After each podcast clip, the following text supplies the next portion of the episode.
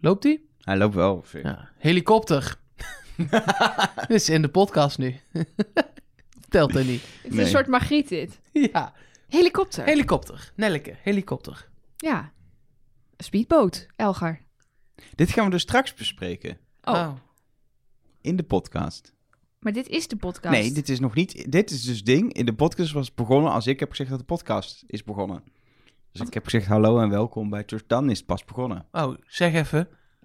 Er moet eerst weer het muziekje en dan kan ik dat pas zeggen. Jezus, wat een gedoe allemaal. Ja, het is allemaal niet makkelijk. Mensen denken Nee. allemaal, je gaat even zitten aan de tafel en dan heb je podcast. Maar je moet echt wel, eh, ja, je moet echt wel dingen rekening houden en zo. Dus zal ik dan nu eerst het muziekje doen? Ja, dat is goed. Of, komt, of straks. Ja, Als kan iemand ook. nog iets wil zeggen. Heet dit wat jij in je haar hebt nu ook een crunchy? Of is dat Nee. alleen maar dat stof, Nee. als ze van stof Dat zijn? heet een scrunchie. Scrunchy. Ja, nee, dit Wat is... zei eh, ik dan? Dit crunchy. Ja, hetzelfde. Nee, dat Dat is, is dat hetzelfde. is van die muesli die hard is. Oh ja. Eh, nee, dit is een eh, zo'n telefoonsnoer. ik Ja, weet niet hoe nee, dat ja heet. dat zie ik ook wel. Maar heet het dan ook een scrunchy? nee, dat is inderdaad als er zachte stof omheen zit. Waar, waar, waar komt dit nou weer vandaan? Ik heb gewoon interesse in mijn medemens. Ja, maar hoe kom je opeens bij, bij scrunchies? Ja, Crunchy. Omdat ik weet dat dat zo ongeveer heet. Maar heb je dat deze week geleerd of zo? Nee, helemaal niet. Ja, eh, hoe noem je het? Een haarketting had ik het ook kunnen noemen. Een haarketting. ja, maar ik vind het vet dat het een telefoonsnoer is. Is dit dat t-shirt dat je aan hebt, is dat dan een crop top? Nee, denk ik. Gewoon te heet gewassen. Wat is een crop top? Is toch dat die zo net onder je borst zit en je hele buik Ja. ziet? Ja, daarom. Je ziet toch dat dit gewoon een t-shirt is? Het is leuk dat je me voor de gek probeert te zetten, maar dat lukt gewoon niet. Het is gewoon een t-shirt. Een geel t-shirt. Volgens mij kunnen we nu wel beginnen. Nee, nee, nee ook gewoon. Oké, nou, wat wil, wat wil je nog zeggen?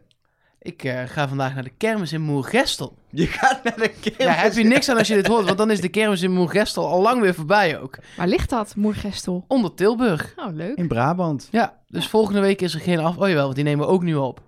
Maar daarna niet meer, want dan heb ik waarschijnlijk eh kermiscorona.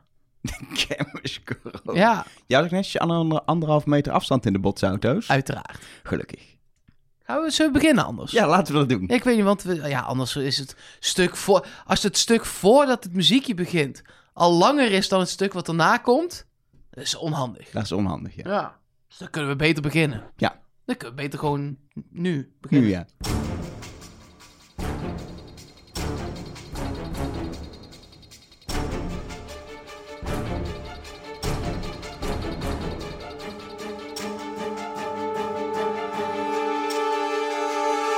Hallo en welkom bij Trust Nobody, de podcast over wie is de mol met helikopter. Met speedboot. En met kistje in het water. Nou, maar nu, nu is het in de podcast. Oh ja, fijn. Anyway, we gaan het hebben over eh, aflevering 7 met Nelleke, Mark en Elk voor duidelijkheid. Aflevering 7 van seizoen 8 van Wie is de Mol. Een seizoen wat zich afspeelt eh, in Mexico. En ik kwam er opeens achter. Dat ik daar drie maanden stage heb gelopen. Ah, dat wist ik helemaal niet. Vertel er eens wat meer over. ik durf niet meer. Waar ik dus achter kwam, ik zal het even uitleggen, is dat ze dus op een plek zijn geweest waar ik later ook ben geweest. Maar ik wist toen ik daarheen ging, Hoe- Ben jij daar ook al geweest? ja, in, in Tulum. Waar ze, waar ze, ja, eh, Cancun ben ik ook geweest. Die hele regio waar ze aan het begin van deze aflevering naartoe vliegen. En waar ze deze en ook volgende week eh, zijn. Ja, daar ben ik met Nelleke op vakantie geweest. Zeg maar na 2008, want het was in 2017 17. Bas? Ja, dat was 17. tien jaar nadat ik er dus drie maanden stage Heb heb, gelopen. drie in Tulum? Eh, nee, ik was wel in die regio, iets verder naar het zuiden.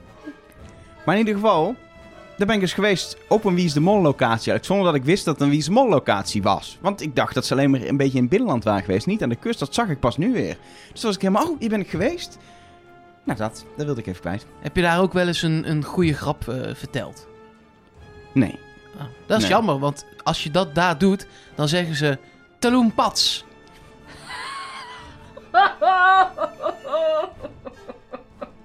Heb je nog een grapje met kan... heb, je nog een... heb je nog een grapje met Cancun? Of, eh, Nee, nee?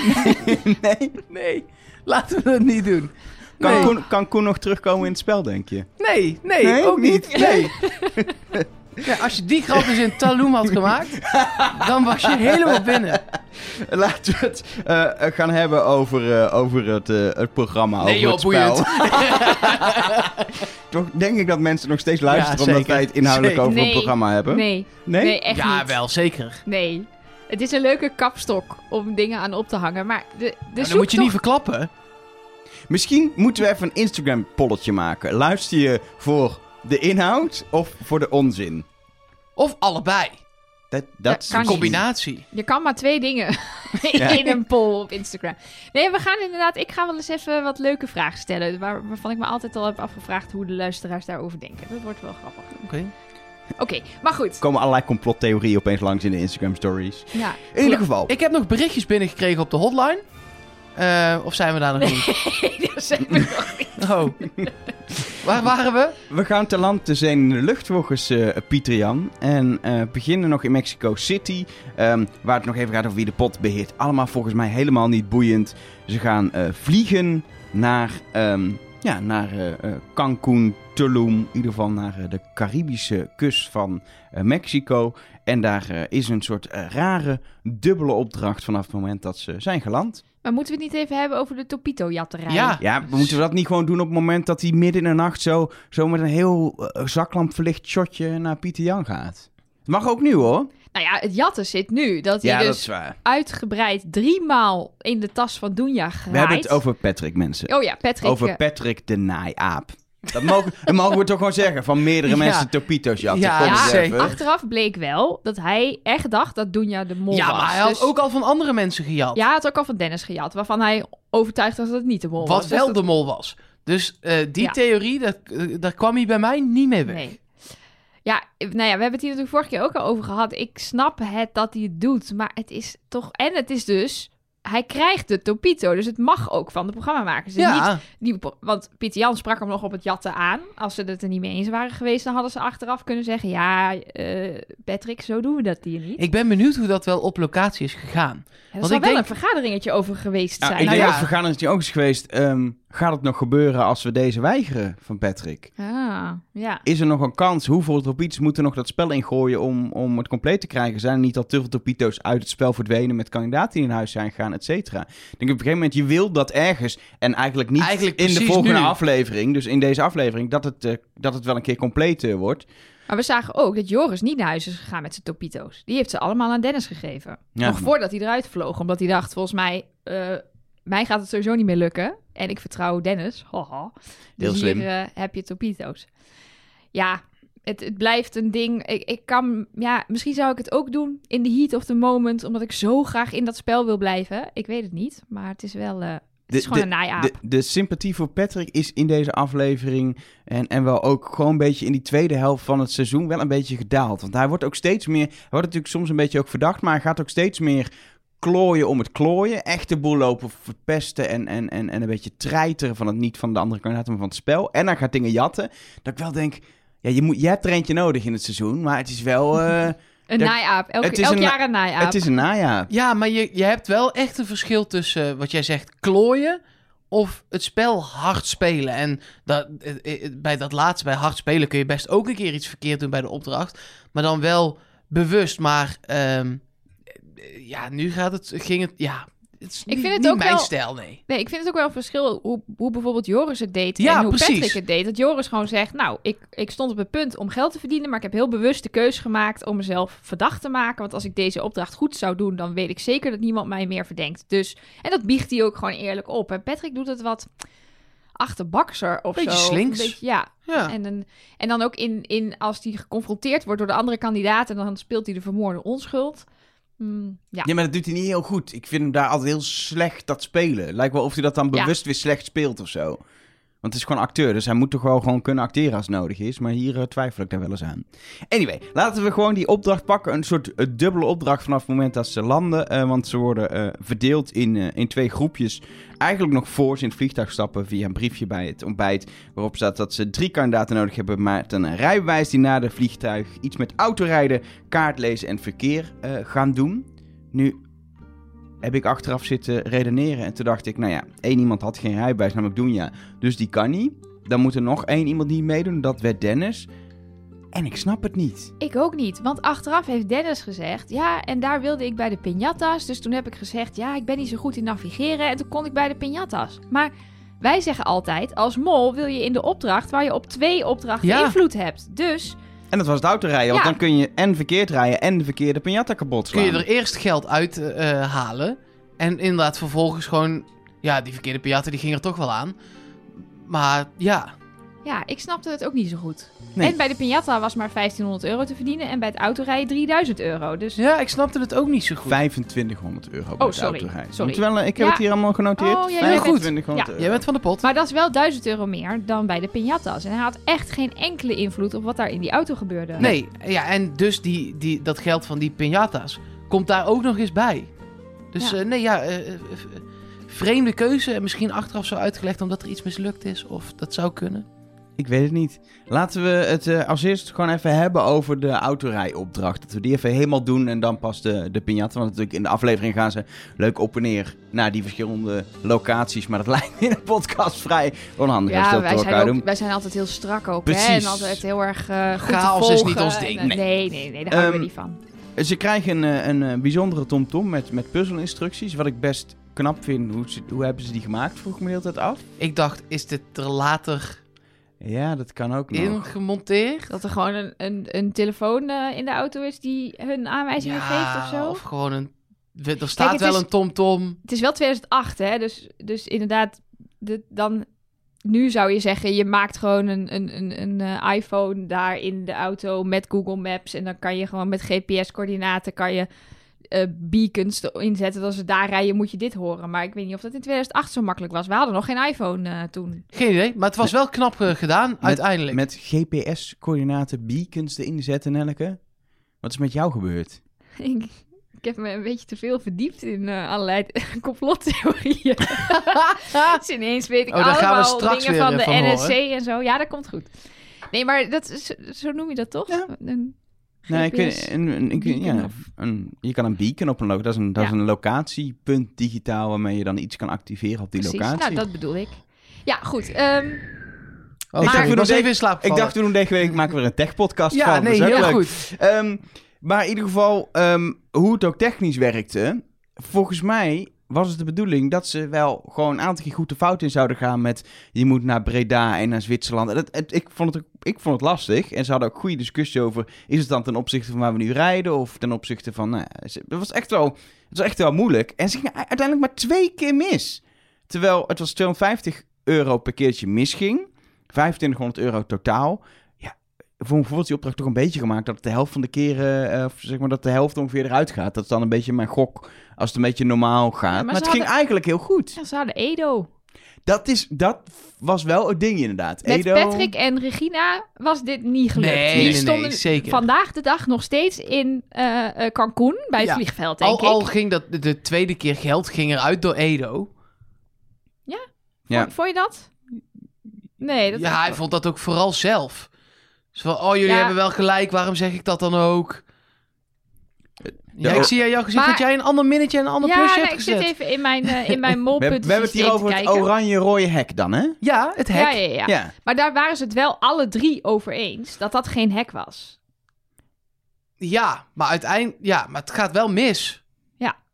Ja, daarom hebben ze ook alle drie daar een plusje gekregen. Ja, maar Edo heeft wel. van mij, Edo heeft bij mij als enige bij die opdracht een minnetje gekregen, omdat hij ehm, ehm, daar volgens mij op een gegeven moment de groep eh, verbetert. Dus Ja, een als ze- fout ding goed doet, Nou, dan zegt hij nee. Vooral ook als ze fout zijn gereden de Nee, eerste ja. keer, dan is hij degene die eh, helemaal redeneert hoe het dan, ja, eh, hoe en dan het dan zegt de wel rest, moet. blijf maar zeggen, ja echt, echt, echt. En hij, ja, ja, ja, ja, we moeten hier echt rechtdoor. En Ja, dan je kon Edo hier wel afschrijven. Ja, dat vond ik wel. Dus, eh, eh, als mol. Ja, Want toch al- hebben heel veel kijkers dat in 2008 niet gedaan. Nee, maar nu ik terugkeek, dacht ik... Ja, als je met z'n drie in de auto zit... Twee hebben er geen idee en jij bent de mol...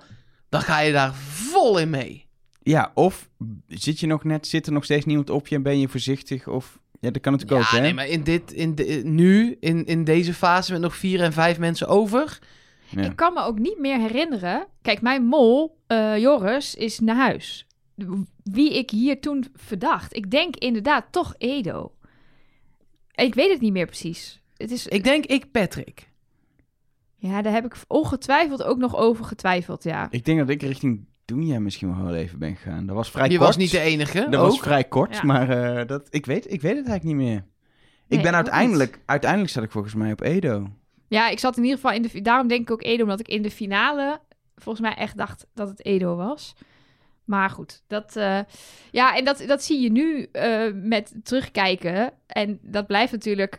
Had je dit net zo objectief kunnen beoordelen als je eh, niet weet wie de mol is en denkt... Ja, en dan kun je inderdaad, wat Elge net zegt, dat soort redeneringen bedenken. Ja, maar Edo werd daar te veel op de vingers gekeken en... eh, Ik heb nog één belangrijke vraag.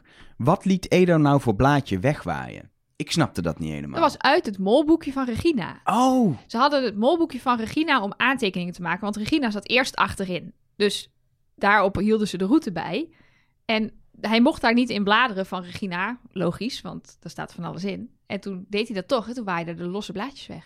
nou was dat het? Ja, Ja, ik zat even te kijken. Hè, waar, dat is wel wat- echt lullig ook. Ja, het is wel echt lullig, ja.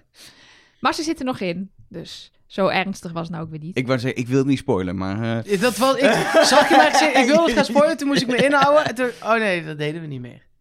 Maar je mag toch wel zeggen dat ze er niet uitging nee, dat mag je? Ja, dat mag je ja, zeggen. ja, Dat zeker. mag je zeker zeggen. Maar om nou te vertellen... hoe- Nee. Ehm, uiteindelijk wordt er met deze opdracht eh, 2000 euro eh, verdiend. Een nette, een nette score. Eh, slechts 500 euro die niet verdiend is. Misschien ook omdat de mol niet in de auto zat. Want die stond op hetzelfde moment piñatas te vullen. Eh, die eh piñatas met onder andere de 10 kandidaten, maar ook een heleboel andere piñatas, eh, moesten worden gevuld met 1500 euro. Waarbij je natuurlijk de optie had om het te verdelen. Ja, maar ik zou toch ook... Nee, hadden ze die optie? Ja. Nee, volgens mij niet. Volgens Ja, de- mij wel. De- deze opdracht vond ik sowieso een beetje vaag. Want moesten ze dus alles in één piñata doen? Hoeveel piñatas moesten ze ophangen? Ja, dat was me ook niet helemaal duidelijk. Moesten ze nou allemaal hangen? Want er waren er 36 geloof Ja, maar ze ik. hingen volgens mij uiteindelijk Nee. niet allemaal. Ze, er gingen er tien, toch? Want dat zeggen ze steeds. Oh, er hangen er tien. Ja, ze hadden zo'n Dan G- zullen wij het wel zijn. Ja, maar ze hingen ook niet alle mensen hingen er. Niet zeg maar alle kandidaten volgens mij. Er hingen ook eh, Mickey Mouse en zo. Ja, en Sneeuwwitje. Ja, precies. Die zat ertussen. En dus...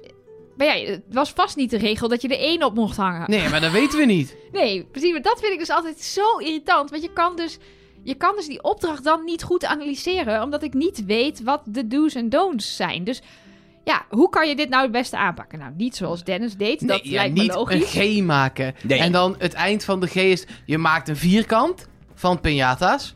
En dan hang je er eentje in het midden van het vierkant. En dan snapt iedereen... hey, het is die ene in het midden. Of je zou zelfs nog ehm, alles aan één kant kunnen hangen en dan eentje los. Eh, je zou nog, ja, weet ik veel, ehm, eh, zoiets. In ieder geval, er zijn zoveel he- hele simpele dingen te bedenken. Ehm, maar niet dit. Want eh, je kon het helemaal niet zien. Je kon het niet, het was ook niet meteen heel duidelijk. Want het Nee, hangt het- op ooghoogte. Dus je kijkt niet alsof je er bovenop kijkt of zo. Dat je ziet, hé, hey, dit is een... Nee. En En als Dus, dus goede molactie. Precies. Als, Precies. en als je daar Ja. komt, waar kijk je naar?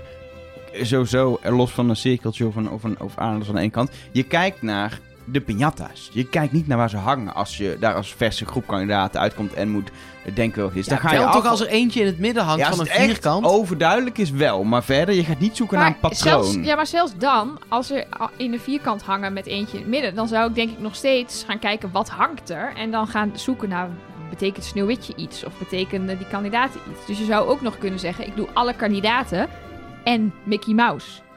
Maar ja, hoe Dan zou... is het dus Mickey Mouse. Ja, maar ja, precies. Want Maar hoe dan moet je wel die kandidaten herkennen. Want toen zij zeiden, dit is Doenja, dacht ik... Oké. Ja, op basis van het jurkje. Jurkje, ja, dat weten wij natuurlijk niet dat zij een jurkje heeft met vogels erop. Nee. Maar ik vond het wel knap van Dennis dat hij, ondanks dat Doenja een aantal goede ideeën oppert, uiteindelijk zijn idee er doorheen krijgt. Hij, is- hij was aardig eh, overtuigend daar met zijn tekeningetje en zijn eh, verhaal. Nog Ja. extra te laten zien achteraf. Kijk, het is weer logisch. Kijk, ik heb het getekend in mijn molboekje. Lekker eh, op die manier doen. Maar Doenja heeft het ook een beetje laten gebeuren. Ja, want die zei vrij snel, in ieder geval zoals het gemonteerd is, ja op zijn plan met, oh ja, dat vind ik een goed idee, de G van Georgina. Ja. Ja, En dan moest je Georgina ook nog maar herkennen. ja want dat vond ik ook echt nog niet simpel hoor, Nee. want eh, die, ze leken allemaal op elkaar. En, en Patrick is het die heel duidelijk als eerste ziet van... hey, dit zijn wij als kandidaten die mensen herkent. Vond ik weer heel anti-mol gedrag. Eh, ehm, terwijl die zich de hele tijd verdacht probeerde te maken... ging die hier ging die juist heel erg gewoon... eh, oh, dat zijn wij. oh, uiteindelijk wel de verkeerde piñata uitgekozen. Maar Patrick roept wel vaker het juiste eh, ding. het juiste ding. Dus ik weet ook, nu ik het terugkijk, denk ik, ja, hoe kan ik nou Ja. hebben gedacht dat hij de mol is? Want hij roept best wel één keer per aflevering de cruciale oplossing Ja, voor precies. deze En dat, opdracht. en dat zijn normaal gesproken dingen waar wij heel erg op letten. Van, Ja, dit maar toen zou ik een nog mol- niet. Nee, toen nee, zat nee. ik gewoon op de bank met een bakje Precies. chips. Maar nu, nu wij er een podcast over moeten maken, dan is dat wel, ja, waar we het vaak over hebben. Als iemand ineens roept, hey, ik zie daar een geldbedrag liggen. Of, oh, volgens mij moeten we het zo doen. Ja, dat zou een mol nooit doen, Nee, denk je dan. in ieder geval Dus ja. niet zo vaak als hij dat doet. Nee, nee, een keertje is nog wel te doen, maar... Ik heb nog één, misschien wel veel belangrijke vraag. Hebben jullie wel eens zich uh, papier macheet? Zeker. Ja. Wanneer is voor het laatst, Mark, dat jij hebt gepapier macheet? Ja, eh, handarbeid. Nee. nee, is niet helemaal waar. Met carnavalswagens bouwen, dan, dan Ah, ja. eh, doe je ook papier dat doe je ieder jaar. Nee, maar dat is eh, zes jaar, vijf, zes jaar geleden voor het laatst. Oh ja. En Nelleke? Ja, geen idee. Geen, nee, ik denk, ik denk echt eh, middelbare school of zo. Ja. Ik, ik zit denk ik ook inderdaad zelf... Want ik doe nooit aan surprises met Sinterklaas nee, dat, bijvoorbeeld. dat denk Oh ja, ik aan surprises. surprises. ja, nee, dat maar dan ga ik nooit aan papier maché beginnen. Dat vind ik echt gedoe. Maar papier maché, dat, je zoekt altijd iets om op te papier maché. Bij carnavalswagens is dat vaak bijvoorbeeld uh, kippengaas, waar je dan een, ja. eh, een eh, vorm van maakt. Eh, maar ook heel goed werkt, ballonnen. En wat doe je als je hebt papier macheet?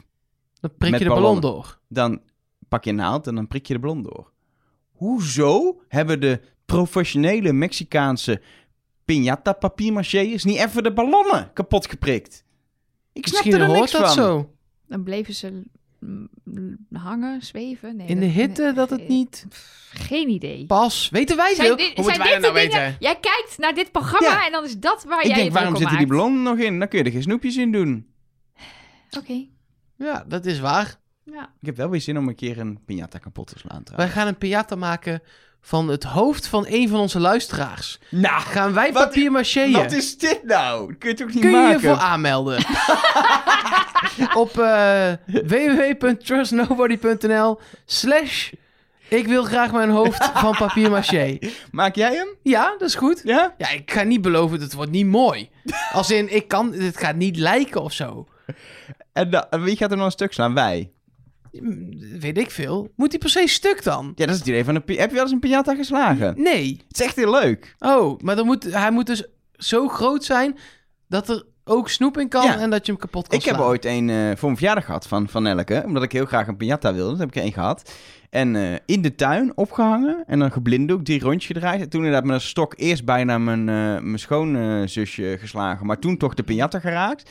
En terwijl ik dus nog aan het slaan was en alle snoep op de grond vielen... heeft mijn broer zijn t-shirt zo omhoog gedaan... zodat je er een buideltje van maakt. En al dat snoep gepakt. Dus er was, waren er geloof ik, drie Jij was rollen... nog geblinddoekt, dus je had het Ja, helemaal niet door. Er waren nog drie rolletjes mentos open met de mededeling... Ja, zo doen ze dat in Guatemala. Daar komen schoontjes vandaan, daar komt hij vaak. Ja, zo doen ze daar ook. De een het kind slaat en de andere kinderen duiken op dat snoep ondertussen. En mijn broer had dus al het snoep van mijn verjaardag. Lekker. Maar het is wel leuk. Dat slaan is wel lekker hoor. Het is Mooi. echt leuk. Dus op zich, als jij een uh, piñata maakt, wil ik wel weer slaan. Dit is een goede quote om los te knippen. dat slaan, dat is wel lekker hoor. In ieder geval, met deze opdracht wordt mede dankzij eh, de G van Mol of zo, eh 0 euro verdiend. Ehm, eh, in, ja, de- het andere deel van de opdracht natuurlijk wel 2000. Totaal, als het optelt, was het 4000, dus is het de helft. Wil je nog meer leuke rekensommetjes Ja, doe erbij? maar hoor. Totale pot op dit moment 14.125 euro. En dan gaat het weer over de topito's. Want ja, doen jij die mistharen topito's, een stuk of drie. Ehm, en ja, eigenlijk is ook meteen wel duidelijk wie, wie het zou hebben gedaan. Ze verdenkt meteen, eh, meteen al, eh, al Patrick. Ja, en vervolgens komt denk ik een van de meest iconische scènes. ik was hem vergeten, maar toch. Uit dit seizoen. En oh, ik vind het trouwens wel grappig, want onze luisteraar uh, Jur, die heeft ook een mening over Maar, hoe hey, dit ging. Wacht Momentje. even, wacht even voor Oké, naar je gaan luisteren. Iets kan niet iconisch zijn als het allemaal vergeten waren. Nee, oké. Maar wel, hoe noem je dat dan? Dat je denkt, hè? Nou, la- Kitsch. Cult. nou ja, laten we even luisteren naar wat Jur ervan vond. Oké, ik zit aflevering 7 te kijken, maar wat was dat voor een rare scène? Met Pieter Jan en Patrick over de Topo, Topito dingen. Ik bedoel, eh, sinds wanneer is Pieter Jan een soort maffialeider? ik vind het allemaal heel raar. Hadden ze dit niet gewoon bij de executie... Waarom, waarom hebben ze dit niet gewoon bij de executie laten zien dat hij eh, een vrijstelling heeft? Snappen jullie dat? Nou, dat laatste, dat snap ik. Want Want? het gaat er gewoon om wie het eerst is. En dat, dat is niet aan executies gebonden. Nee, precies. En ehm, eh, Patrick moest natuurlijk ook... Als je die test maakt, wil je 100% zeker weten... heb ik die vrijstelling, Precies, ja of nee? ja. Dus, dus dat wil je van tevoren regelen. Maar waarom dat dan in het holst van de nacht... En hoe is bij dat een gegaan? verlichte palmboom moest... met een close-up Nou ja, van... dit, hoe dat natuurlijk is gegaan. Hij is, hij, heeft natuurlijk gewoon, hij is gewoon op een gegeven moment tijdens een gesprekje wat ze hebben... wanneer ze ook de biechten en zo opnemen... waarin ze één op één met de kandidatenbegeleider praten... heeft gezegd, nou ja, ik heb hem compleet. Of zelfs het team had dat al gezien, want die filmt Ik snap alles. ook wel dat het zo is gegaan. En dan, en maar dan, dat is toch niet... oké, oké, weet je wat leuk is? Als, we dat, als je vannacht, want het moet in het geheim, dat is leuker in het donker. Dat Nee, is toch logisch? Maar Dan volgens mij zaten dat- ze gewoon te eten. Hij sloop volgens mij weg uit het restaurant. En stond, volgens mij stond Pieter Jan Kijk, buiten dat is al het veel spannender. hotel Maar- of het Precies, restaurant. maar het moet s'nachts. Ik snap dat het s'nachts moet. Dat is spannender. Maar het, moet, het is stiekem. Je gaat stiekem... Maar waarom moet je- het stiekem? Het- Om- Hij kan toch gewoon... Hij Ik kan toch ook gewoon bij een uitleg van een opdracht naar voren stappen en zeggen... Pieter Jan, ik heb een topo compleet. Ja, maar dat is toch, is toch minder spannend? Het is toch, oh, het is, oh, ik heb hem en niemand mag het nog weten, want dan is het straks een verrassing dat ik een vrijstelling heb. Nou, iedereen, wist het, mee. iedereen wist het inmiddels. Ja. Maar toch, het is, de- ik snap wel dat televisietechnisch dat dit leuker is. Nee, ja, maar dan, als je het dan echt televisietechnisch wil benaderen, dan wil ik dat Patrick naar de kamer van Pieter Jan sluipt, midden in de nacht, met alleen de camera van een, een, een GoPro'tje, als dat toen al bestond, of je telefoon, zat daar toen al een camera op, jawel hè? En dan zo, Pieter Jan, Pieter Jan. Nou, ik, de- ik denk dat als het nu in seizoen 21 dit zou komen, straks, dat het ongeveer zo zou gaan. Dat we eerst Patrick zien sluipen door gangen en Doet Patrick En- weer mee? Ja, wie weet. Ehm, Hmm. eh, maar dat, eh, dat het op die manier, dat het veel, nog veel nepper wordt, wordt aangekleed. Ja, en dat het dan ook, zeg maar, dan, dat hij dan aanklopt bij Pieter Jan. En dat Pieter Jan dan over de shoulder vanuit de hotelkamer gefilmd wordt. En dat er dan achter Patrick geen camera meer staat. En dat Oei, je dan denkt, dat- oei, ja, dit, hoe... Hoe doen ze dat? doen ze dat? Dit, Ja. En dat, en dat precies. dus ook blijkt dat Pieter Jan midden in de nacht gewoon nog met zijn kleren aan in zijn hotelkamer zit te Met wachten tot er om. iemand Ja, ja, ja, aanklopt. ja. In plaats van dat hij gewoon aan het slapen is. Precies. Zo zou ze Dat is toch ook altijd bij die programma's waarbij dan of Peter van der Vorst of Art Royax of weet ik veel wie er BN'ers gaat ontmoeten. Nou, we gaan even aanbellen. Ding dong! En dan doet René Vroger open of welke willekeurige BN'er dan ook. En die loopt blijkbaar de hele dag met een microfoontje om, wat precies ook die cameraman het geluid van kan opvangen. Dat is toch mooi hoe dat werkt. Ja, Heb dat jij dat niet? Ik ben ook eigenlijk constant ingeplucht voor mocht er ooit een reality Stel show Peter komen over mijn aan. leven. Ja, precies. Oké. Ja. Nou, dan ben ik, ik weer niet goed voorbereid. Ik merk het wel weer. Nee, ik snap niet dat je die briefing ook niet hebt gehad. Ja, maar ik vond over dit shot, ik vond, ik snap dat je het spannend wil maken, maar het was nu, het was niet geregisseerd waardoor het knullig was. En het was eigenlijk ook niet echt spannend en, en Ja, maar het was niet spontaan en nee. niet geregisseerd. Nee, precies. Nee. Het zat er precies tussenin. Nou, dat, maar dat is in dit seizoen vaker, dat het nog wat minder geregisseerd is. Maar soms toch, merk je toch dat het wel geopgezet is, zeg maar. Waardoor het Ja. een beetje raar tussenin valt. Ehm, in ieder geval zijn er ook nog eh, mailtjes binnen, Mark. Heb je nog berichtjes? hey, we hebben nog een opdracht te doen. Je Jij- bent al naar de audio-appjes gegaan. Maar, Nee, jij eh, bent naar de audio-appjes gegaan. Ik dacht, nu, nu we het hierover gaan hebben, anders wordt het weer zo'n... Oh ja, dat hebben we net besproken. Dankjewel voor je appje, Jur. Ja, daar heeft niemand wat aan. Ja, maar dan gaan we nu ook. De, dan, de opdracht 3 doen we dan gewoon niet. Het was toch een beetje, een- nee, weet je, een beetje speedbootje, een beetje helikoptertje. Ik vond het een hele leuke opdracht. Helikopter, Helikopter, speedbootje, speedboot, kistje in het water. kistje met Nee, laten we het hebben inderdaad over opdracht 3 op Playa del Carmen. Nou, Playa del Carmen is ah, zeg maar het, de Costa van eh, Mexico. Alle Ja, want dat is gewoon Spaans voor kust, dus dat klopt.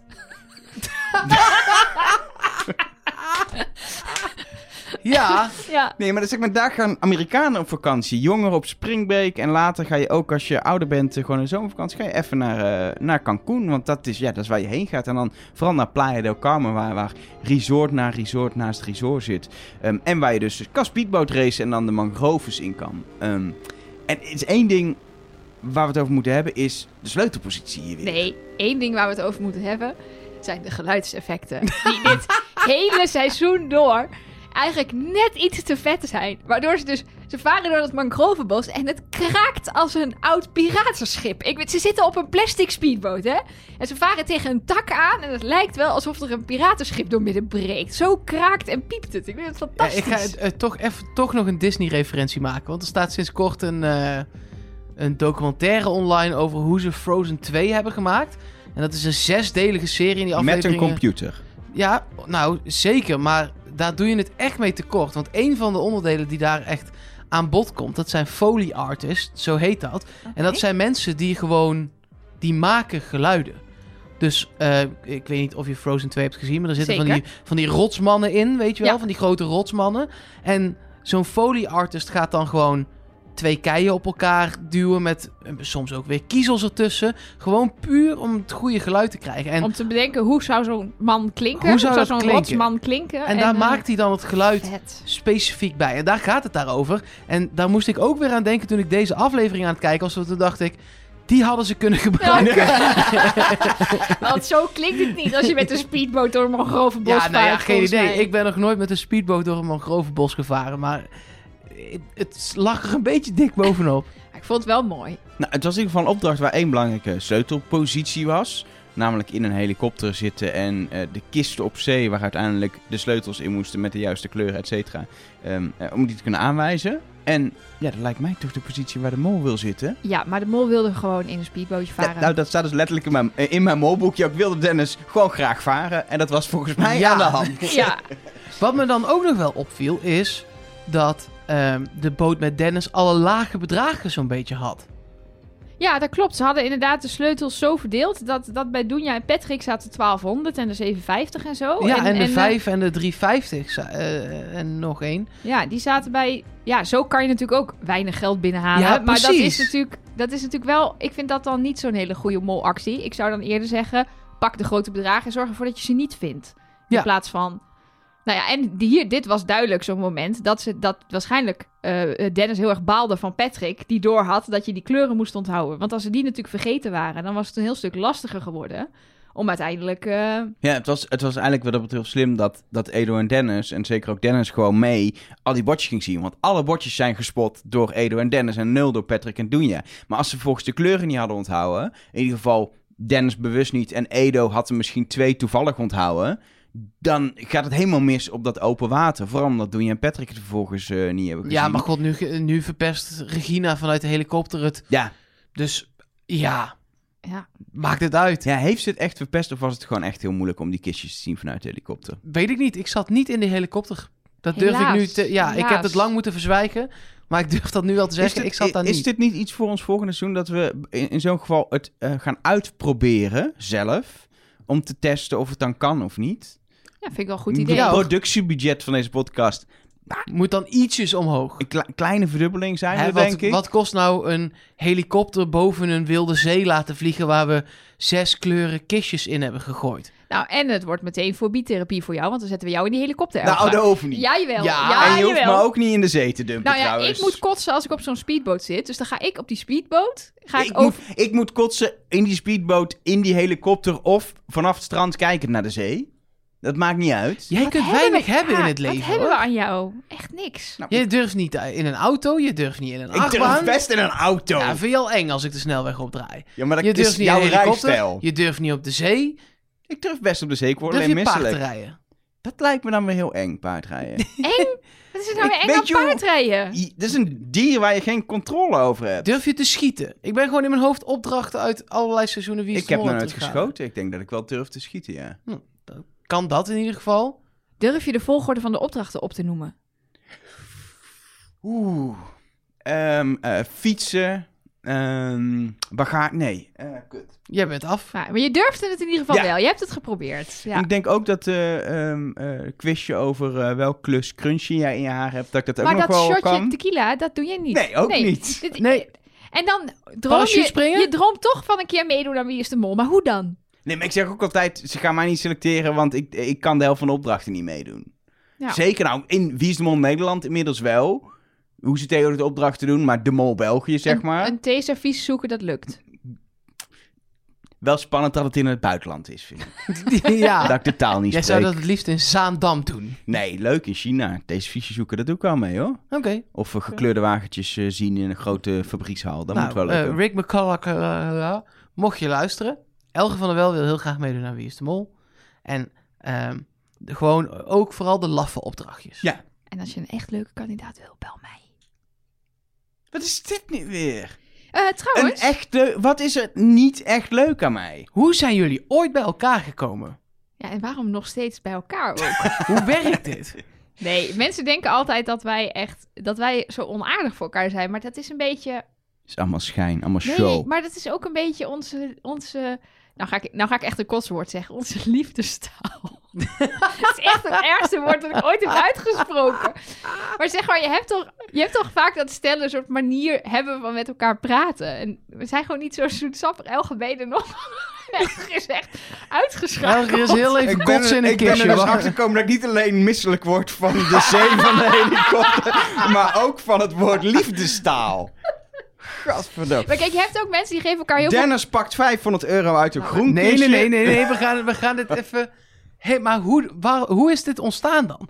Is dit al vanaf jullie eerste date Ja, begonnen? Jawel, Ja. ja. Ja, ik weet nog dat wij, we zijn ooit op 13 juli bij elkaar gekomen en Elger is 24 juli jarig. En toen kreeg ik een uit... Nee, vertel, vooral, vertel vooral verder. Ik zet gewoon heel even muziekje aan op mijn telefoon. Ontspanning. Dat is echt te erg. Jullie gingen op eerste date. Nee, niet eens. Maar hij was... Hij... We hadden het dus een, een week verkering en toen kreeg ik een uitnodiging voor zijn verjaardag. toen stond daar gewoon letterlijk in dat ik van 12 uur 's middags tot, tot 4 uur 's middags mocht komen, omdat ze andere vriendinnen daarvoor en daarna nog kwamen. Die waren er natuurlijk helemaal niet. maar- oh! Ja, even voor de duidelijkheid en voordat zij denken dat wij een soort polyamoreuze relatie hebben. maar- over mij. We hadden net anderhalve maand iets. Gaat ze drie maanden naar Mexico? Ja. Heerlijk rustig. Ben je drie maanden naar Mexico geweest? Ja, drie maanden maar liefst. Ja, nee, maar goed, dus dat. Nee, Eh, Over Mexico gesproken. Een mangrovenbos, bordjes, kleurtjes, getalletjes, een zee, kistjes, een helikopter, speedboten. Klinkt als een liedje van Acta en de Munnik. nou, meer bluff, want ik kan er Ja, geen touw aan bluff, ja. Nee, maar mag ik nog even mijn oprechte waardering uitspreken voor de infographic eh, visuals die hier weer in zaten. En Rick McCullough, mag dat alsjeblieft terug? Ja. Gewoon even zo, kijk, ze waren hier aan het varen en daar, plong, vinden ze 350, plong, Maar ook ze toen de 1200. kistjes in de zee. De kistjes Hier liggen in de de kistjes. bloem. Heerlijk. Blijf dat doen. Het, is, het maakt het gewoon allemaal net iets beter te begrijpen. En dan heb ik minder van die frustratiemomenten dat ik denk, hoe werkt dit? Ja, Ik vond het een leuke opdracht. Ik, Ik ook. ook. Wat ik ook wel leuk vond, is dat er helemaal een extra eh, koker met een niet bestaand geldbedrag is bedacht. Die gewoon, ze hadden te goed onthouden wat er was, waardoor die geen rol speelde. Maar dat was wel bedacht. En dat vind ik wel leuk als je dat ook gewoon, als dan zie je dat je niet weet hoe een opdracht gaat lopen. Vind ik gewoon mooi. Het had ook heel anders kunnen lopen, waarbij ze niet alle bedragen hadden gevonden en hadden moeten gokken. Waar ze wel kistjes hadden gevonden en de sleutel niet had gepast. En nu bleek de Ja. bottleneck in de praktijk gewoon, eh, het was onmogelijk om de juiste kistjes, eh, eh, of überhaupt kistjes te vinden op zee. Ja, precies. Ik kan me helemaal voorstellen dat ze dit misschien in, in Nederland getest hebben. Op het IJsselmeer. Ja, nou ja, of ergens waar dus... Ik kan me voorstellen dat, dat, dat de weersomstandigheden anders zijn. Dat misschien die helikopter van Regina best wel hoog moest vliegen vanwege waar de wind, hoe de wind staat of zo. En dat je het dan gewoon net niet handig kan Maar het mag spotten. toch ook best af en toe moeilijk zijn? Ja, ja, zeker. Maar daar, ze dachten misschien dat het op een andere manier moeilijk zou zijn. Dat het moeilijk zou zijn omdat ze de kleuren niet hebben onthouden. Of omdat... Kijk, nu was het bijvoorbeeld... Ze hoefden maar één sleutel te proberen. Want ze wisten zeker, dit is de goede sleutel. Terwijl als ze dat niet wisten, dan hadden ze overboord moeten springen. Hadden ze met drie sleutels. Eh, oh shit, wij hebben toch niet de juiste. Edo Dennis, jullie moeten toch naar kistje groen. Want... die was het trouwens niet, maar, Maar toch. maar toch, dat idee. Nou, uiteindelijk heeft eh, eh, Dennis wel een kistje opengemaakt van 500 euro. Dat was een, eh, een groen kistje. Ehm, en het mooie vond ik Oh, wel... was wel een groen kistje. Ja, dat was oh, wel een was groen toch een kistje. groen kistje. Ehm, daar heeft hij, nou, ik denk 10 minuten over gedaan. Ja, dat, zo leek het in ieder Zo geval leek wel. het wel. Hij heeft daar wel gewoon lekker lopen vertragen. Hij heeft wel geld gepakt. Ja, maar maar ja, de sprong is ook niet overboord. Zoals Ja, dat deed Doenja. omdat dat hij is de mol is. Ja, precies. Ja. En Ja. Edo niet durfde of zo. Of die zat achter het stuur, ik weet het niet. Nee, Dennis zat achter het stuur. ja, Nou dat was het hele ding. Dat Dennis achter het stuur ondertussen nog uit de boot ging hangen. Terwijl hij achter het stuur zat. Wat ik vrij bijzonder vond. Ehm, maar uiteindelijk heeft hij dus wel geld gepakt als mol. Maar wel ook 10 minuten uit het spel gespeeld, denk ik. En eh, zeker als Regina wel goed de kistjes had gespot, had hij daarmee echt daadwerkelijk een molbijdrage gehad. Eigenlijk bleek het achteraf gewoon niet nodig, omdat gewoon Regina het zo slecht deed in die helikopter. Um, Doenja 750 euro gepakt ehm, uit oranje kistje. Maakt het eh, 1250 euro, maar vooral drie kistjes die nog steeds, als je nu daarheen gaat naar Playa del Carmen, in die zee drijven. Ze zijn een beetje niet meer helemaal mooi van kleur na Ze zijn 12 nu jaar. allemaal groen. Ja, maar ze zijn er, schijnen er nog steeds te zijn. Dus als je de sleutels hebt, dan eh, kun, je, kun je nog geld pakken. Wat er overigens eh, wel met mijn molpuntensysteem is gebeurd deze aflevering, is eigenlijk eh, dat Regina eh, uit de min naar de dikke plus is gegaan. Want die kreeg maar liefst vier plusjes, dus vier molpunten deze Dat snap aflevering. ik. Want inderdaad, eh, ze deed niet veel goed. Nee. Nee, Dus, nee. Dat, eh, was- zij was echt... Nou ja, ze had zomaar de mol kunnen zijn. Ja, ze stond eigenlijk elke aflevering bij mij als minst verdachte in de molpunten. En zo kan je zien dat het, dat systeem is ook niet waterdicht. Want je kan dus één verdachte aflevering hebben. En dan ineens ben je, nou, niet, sta je niet bovenaan. Dus ze is van eh, min 2 naar plus 2 gegaan door vier punten te scoren. Maar eh hoeveel staat Dennis? zes. Oh ja. Dus die staat nog wel eh, bovenaan. De anderen hebben allemaal twee punten. Edo, Patrick en Regina. Ik vind Dus, dat dan dus over een heel seizoen gezien. Ehm, stel het was 6-2-2-2 op dit moment. Zou ik daar denk ik niet mijn hand voor in het vuur durven te steken. Het is maar vier punten verschil. Nou, en Regina heeft deze aflevering vier punten gescoord. Komt dus ook- ja, dat komt- kan in één aflevering. Komt ook omdat het echt een seizoen is met heel veel kandidaten die raar gedrag vertonen. Joris dan natuurlijk, Patrick, Dunja ook soms. Kijk, Koen is gewoon vroeg naar huis gegaan, want die, die was gewoon, ging alleen maar in de min qua molpunten volgens mij. Maar ja, als dat soort kandidaten eruit gaan en de, inderdaad de meer verdachte kandidaten, de, die soms een beetje loopt te klooien, overblijven. En, en Regina ook steeds meer gaat klooien, ja, dan Ja. krijg je inderdaad... Ja, maar dat ze, ze naaien elkaar daar ook super erg in op. Juist door, nou ja, we hebben het er eerder over gehad. Maar ook in deze aflevering zaten weer gewoon de open discussies met... En jij deed dit fout, en jij deed dit fout, en je- ik heb bij jou op dit gelet. Ja, en, nu je- ook weer Edo. Jij neemt altijd de leiding en dan doe je alles fout. En dan kunnen wij niet meer eh, zelf onze eigen Ja. mening eh, doordrukken. Jawel, dat kan wel. Dan ligt het aan, Aan jou. jou. Ja, Ja. vond ik mooi. Dat is altijd dat een goede comeback. Ja, Ja, precies. Vind ik zo, zo typisch. Hoe langer ik het seizoen kijk, logisch, we kijken langer. Ehm, eh, maar hoe open die gesprekken zijn en hoe de seizoenen zijn waar, dat, waar dat, die verantwoording helemaal niet plaatsvindt. Dat of helemaal niet niet. uitgezonden wordt. Hè? Dat is natuurlijk altijd een beetje de vraag. Want dat vind ik ook wel eh, grappig dit seizoen. Is dat je toch wel tussen de regels doormerkt dat er bondjes zijn. Alleen, er wordt eigenlijk nooit met een woord over Ja, gerept. Patrick al helemaal en niet. Regina vertrouwen elkaar blind. Ja, alleen met zelfs het woord bondje is gewoon nooit gevallen. Of dat misschien toen ook bij de kandidaten zo nog niet heette. Maar de- die hele verhaallijn zit er gewoon niet in. En ik moet zeggen, ik mis dat ook niet. Terwijl er waren echt kansen voor een Topito-bondje. Ja, We hebben een topi... Want eigenlijk hadden Joris en Dennis een soort Topito-bondje. Want Joris gaf al zijn Topito's aan Dennis met ik gun het jou en mij gaat het niet meer lukken. Dus we werken een soort van samen. Maar Ja, maar die gesprekken zijn ook echt. Ja. En dat vind ik er zo mooi aan. Want ze komen soms gewoon net voor Pieter Jan met, het, eh, met de eindconclusie van de opdracht komt. Of nog net meteen na de opdracht dat er meteen een discussie ontstaat. Die, die is dan niet geanceneerd, die is niet in scène gezet. En dat voelt dan zo echt. Ik heb Ja, ook het idee dat ze tegenwoordig daar veel minder lang bij blijven. Dus dan zie je wel, nou, jullie hebben niks verdiend, helaas. En dan Draai loopt gewoon nog even een half uurtje Precies, door. dan loopt Rick weg en dan zie je ze boos kijken. En dan even, even zo, nou ja, Mark, eh, ja, ja, Elge. huh? En dan is vullen het dat voorbij. nu op met één op één gesprekjes. Dat vinden ze dan tv-technisch leuker of zo om één op één En gesprekken te doen. Maar die, zijn, shots. maar die zijn geanceneerd, die één op één Ja. Ja, gesprekjes. of dan alles vervolgens in de biecht. Ja. Dat ze dan gaan zeggen, ja, toen was die opdracht klaar. Toen vond ik toch wel dat Mark echt wel verdacht deed, want hij werd heel boos. Maar dan wil ik zien dat, jij, dat Mark boos werd en hoe de rest daar dan op reageert. Dat Ja, is veel ik wil zien dat. Mark boos werd. Oké, eh, afrekening van deze aflevering, eh, naast de molpunten, is ook in geld 15.375 euro. Omdat er weer 1250 euro in de pot kwam. Had wel een stukje meer kunnen zijn, want in de kisten dreef totaal 3000 euro. Dus minder dan de helft opgehaald uit zee. En dan gaan we naar eh, de test en executie, waarin ja, Patrick wel een test maakt. Maar voor spek en bonen. Ik snap nu nog steeds niet waarom hij dan die test moest maken. Nee, Ja, daar hebben we volgens mij ook een Ja, berichtje over zeker. gekregen, Ja, eh, eh, Joelle vraagt dat ook. Waarom moest hij de test maken als de zwarte vrijstelling nog niet bestond? En dat was zo, die bestond nog niet. Ik denk dat het, dat het was omdat ze ehm, gewoon de makers ehm, een soort van in idee dat het een verrassingsmoment is. Dat pas bij de executie duidelijk wordt dat iemand de vrijstelling via Topito's heeft gekregen. Dus dan moet je sowieso gewoon weg van de groep om de test te maken. Je zit sowieso allemaal apart wel, hè? Ja, ik weet niet hoe dat gaat. Of Dat- ze echt allemaal uit eh, elkaar worden gehaald of dat ze één ja, voor één naar die wel. Test kun je gaan. nog even lekker overleggen tussendoor. Ja, dat is waar. Dat zou ik gek Ja. vinden. Maar die, dit blijft altijd een beetje in, in, in eh, een beetje onduidelijk. Want we hebben wel eens gezegd, oh ja, ze moeten de test maken, want de zwarte vrijstelling zou ingezet kunnen worden.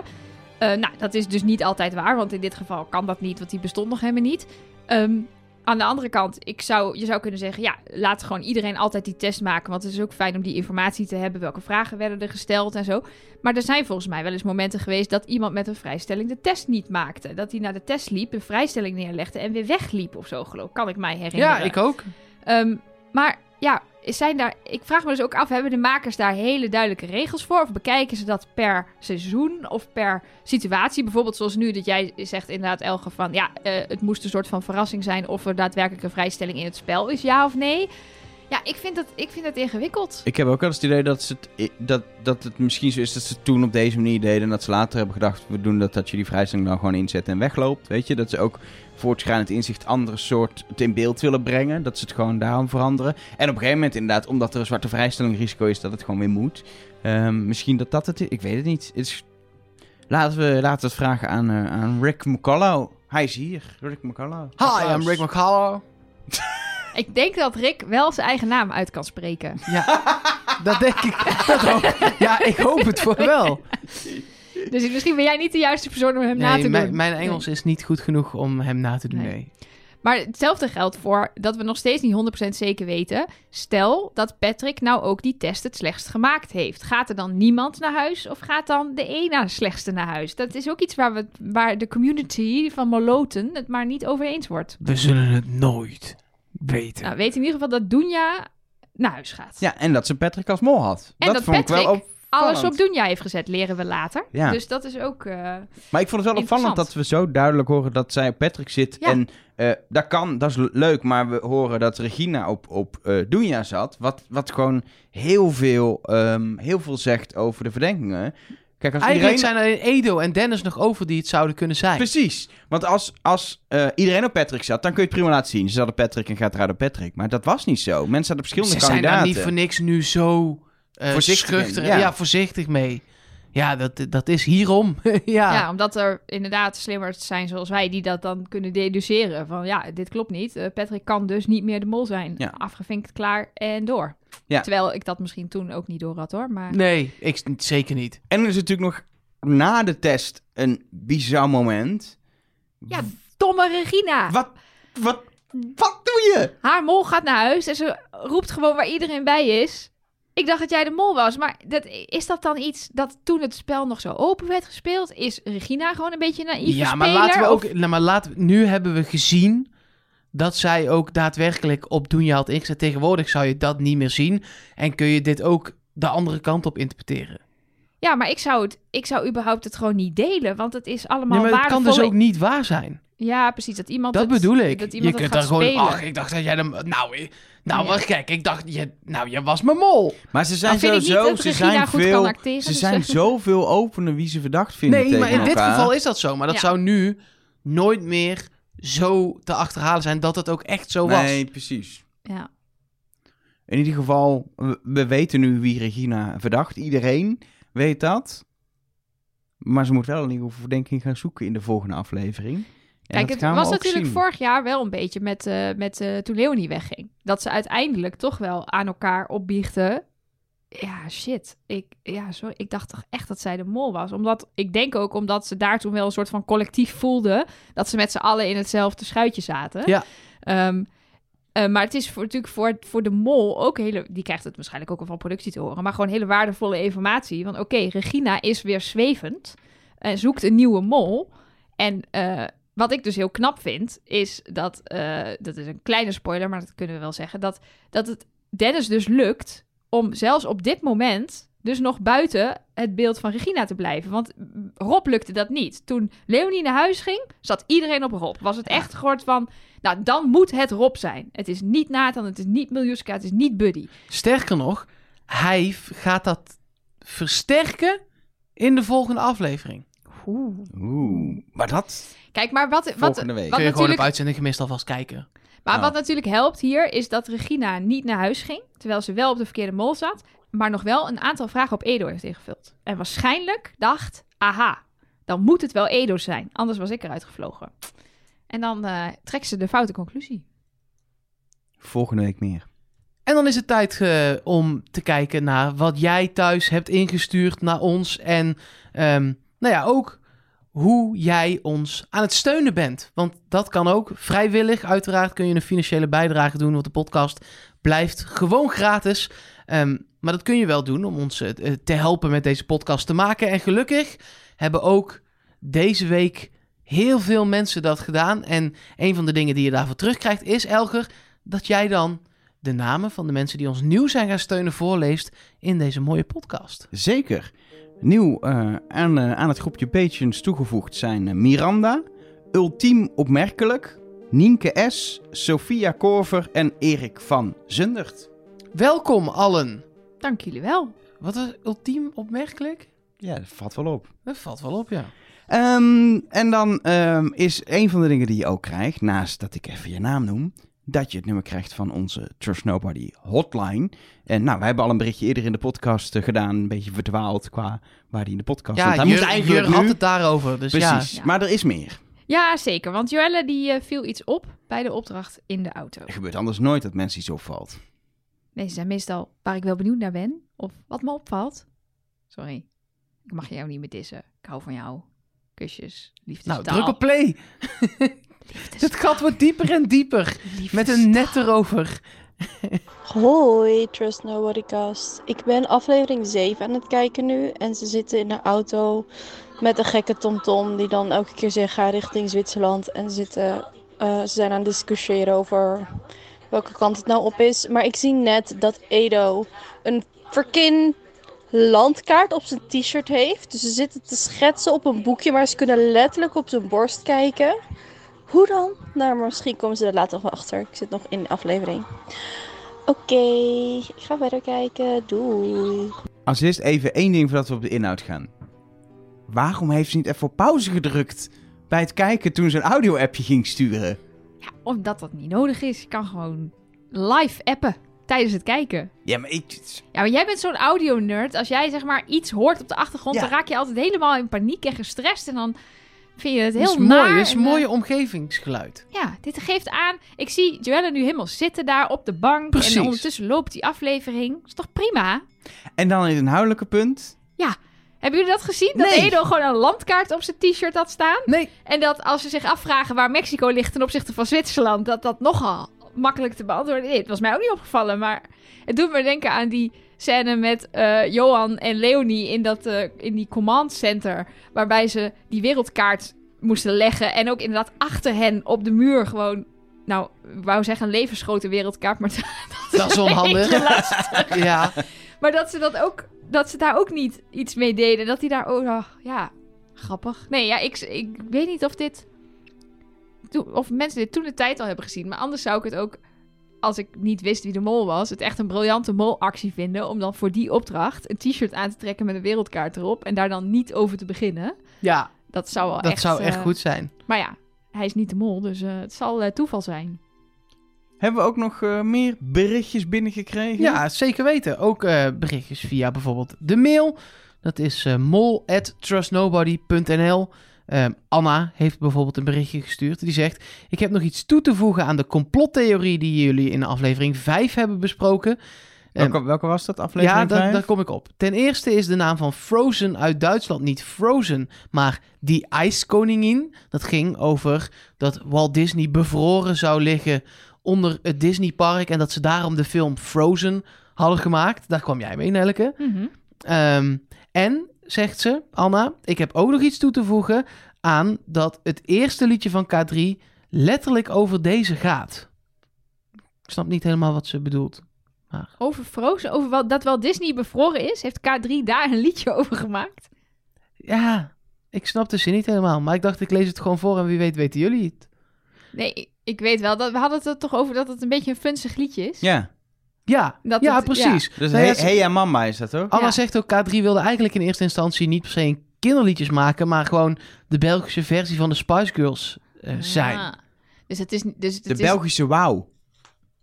Dat Ja, is, dat al, is echt voor jouw tijd, Ja. denk ik. Wauw. Wauw. dat is al Belgisch, toch? Nee, Wauw was eh, de Nederlandse Spice Girls. Dat waren drie meisjes uit Kerkdriel of zo. en eh, Nou, dat klinkt echt veelbelovend, ja. ja, maar echt, volgens mij kwam er echt eens uit Kerkdriel. Maar die hadden dan... Dat weet jij dan Ja, die hadden Nederlandstalige Spice Girls-achtige liedjes. En die heten Wauw. Ik, ik zou ze- bijna zeggen, ik ga het even opzoeken. Nou, laat eens een stukje horen. Zullen we het doen? Ja? Zijn nu toch hier. Even kijken. Wauw.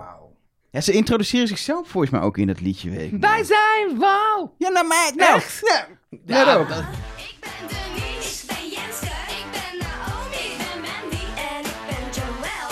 Wij zijn wow. Joël! Nou, Joël zat er gewoon in. Joël, ik wist niet dat jij deze carrière ooit hebt gehad. Wat leuk. Dit is toch fantastisch? Maar je had het over drie, maar het zijn er dus vijf. Ja, de Spice Girls waren er ook vijf. Ja, precies. K3 zijn er natuurlijk drie. Ja. Maar dit is precies de Spice Girls. Ik voel me goed, hij zegt hallo en ik denk dit moet de ware zijn. Want iedereen die hallo zegt, is de ware. Even, een refreintje. Hoe heet hij ook alweer? Keer op keer kom ik een jongen tegen. Ja, maar dit is nog meer kinderen voor kinderen dan Spice Girls. Maar misschien komt het door het Nederlands. Ja, dat is gewoon omdat... Dit had ook K3 kunnen zijn. Nou, dat was... eh Wauw. Het, Loop maar naar het de ding- maan. het ding- blijft wel hangen meteen. Ja, dit is goed. het ding is dus... Een van die meisjes van Wauw zat op mijn middelbare school... maar nog voordat ik er zelf op kwam. Op Maar- het dak. Nee, nee. Maar, maar wat ik dus wel eens heb gehoord van mijn broer die op school gaat. Dus in, in de gang, als dat meisje wat van Wauw door de school liep, dat dus de hele school. Wauw, wauw, Ja. Hoe kut is dat? Kinderen dat? zijn, maar hoe kinderen zijn kut zo dat? kut op die leeftijd. Oh, wat erg. Dit Ja. even, zijn, hoe kwamen we hierop? Oh ja, K3. K3 was dus eigenlijk bedoeld als de Spice Girls en zijn per ongeluk kinderliedjes gaan maken. Precies. Oké, En daarom is het misschien soms wat funziger. aha. Sander, die nog een eh, tekstberichtje via onze hotline stuurt, zegt... Jullie noemden als grapje dat Joris bijna de pot mee naar huis had genomen. En dat zette me al hardlopend aan het denken. Zou het spel met een extra regel niet een mooie extra laag kunnen krijgen? Je benoemt niet één penningmeester die de hele pot beheert... maar je verdeelt het verdiende geld onder de deelnemers... en het geld dat de afvaller dan op dat moment heeft gaat uit de pot. Oh. Of de helft van dat bedrag gaat uit de pot. Het zou een mooie dynamiek geven, omdat iedereen zelf zoveel mogelijk geld wil hebben. Of wil de mol. Of wil dat de mol het geld heeft. Want die gaat immers nooit naar huis. Voor de mol is het juist een uitdaging om dan zo weinig mogelijk geld te hebben. En als extra regel zou je nog kunnen doen dat de hoeveelheid geld die de mol aan het einde heeft verdubbeld wordt. Anders blijft er wellicht wel erg weinig over, aangezien er iedere week iemand met geld naar huis gaat. Wat denken jullie? Ja, ik vind dit soort dingen altijd, ik vind dit altijd wel interessant. Want ik denk dat er best wel regels te bedenken zijn die het spel dynamischer maken. Of ervoor zorgen dat nepmollen tegengegaan wordt. Of dat je inderdaad gewoon nog een aanknopingspunt hebt in je zoektocht naar de mol. Ehm, maar het probleem is volgens mij dat het al bijna voor sommige kijkers te ingewikkeld is. Met jokers en vrijstellingen en testen en zo. Het is een familieprogramma geworden. Ja, en zoiets toevoegen, dan wordt het echt weer een puzzel, puzzelprogramma. Dit zou op de donderdagavond heel goed hebben gekund. Ja. En dan, dan, dit is net zoiets als met die Topito's. Dat je dat dus inderdaad voor één seizoen kan je dat aan het begin eh, introduceren. Van jongens, we gaan nu met een nieuw penningmeestersysteem werken. Zo werkt het. En, ehm, Nou ja, maar Topito's hebben er vijf seizoenen in gezeten. Dat weet ik toevallig. Ja, maar niet op deze manier. Volgens mij hebben ze er nooit meer in gezeten dat ze door het seizoen heen te verdienen waren. Altijd in opdracht inderdaad. Dat er in een Ja. opdracht door Pieter Ja, het seizoen Ja. daarna nog wel ook echt. Nee. Nee, het was er volgens mij alleen maar een onderhandelopdracht... waarbij iedereen een onderdeel van het Topito Oh, kreeg. ja, ja, ja, ja, ja. En, en kom er maar uit. En daar kwamen ze dus niet uit, want ze gunden het niemand of zo, geloof ik. Ja. Maar ehm, ja, dus ik, ik weet niet of dit dan helemaal goed uitgedacht is. Daar moet je misschien nog even langer over nadenken. Maar het idee van iedereen heeft een beetje geld en is daar verantwoordelijk voor. En, en als je misschien ook denkt, misschien kan ik er wel uitvliegen... dat je dat geld dan al doorgeeft aan iemand die je vertrouwt Het of punt juist is, niet. het heeft wel het gevaar dat het, het is zo ingewikkeld en heeft zoveel consequenties. En je moet zoveel dingen bepalen dat het een heel groot deel van het programma gaat opslokken. Ja, je moet dan natuurlijk ook filmen. Hoe wordt er besproken wie hoeveel geld Ja, krijgt. en je moet Zo. elke keer als een briefje van hand wisselt, moet je dat laten zien. Precies, terwijl bij, bij de Topito's, er zijn afleveringen geweest seizoen dat eigenlijk helemaal niet over Topito's ging. Of dat er één scène was waarin heel even over Topito's gepraat werd of er eentje werd gejat of zo. Nou, ik weet nog wel dat ik het wel, toen ik dit voor het eerst keek dit seizoen, heel frustrerend vond dat het niet bij te houden was hoeveel Topito's iedereen had en welke. ja, een infographicje ja. met de, de Topito-stand bij iedereen was eh, fijn geweest. Ja, dat had ik wel willen weten. Maar, eh, maar ik weet ook niet precies waarom, want daar kun je natuurlijk ook de mol helemaal niet mee vinden. Want eigenlijk kan het de mol niks Ja, maar je wilt, dan is het wel duidelijker. Oh, Patrick is er bijna. Ja, hij hoeft alleen nog even uit Dunja's tas een paar Topito's te jatten en dan is hij compleet. Maar ja, Heb je helaas gaan wij niet over de regels. Nee, nee ja, dat vraagt hij over. Gaan jullie niet over de regels van het spel? Nee.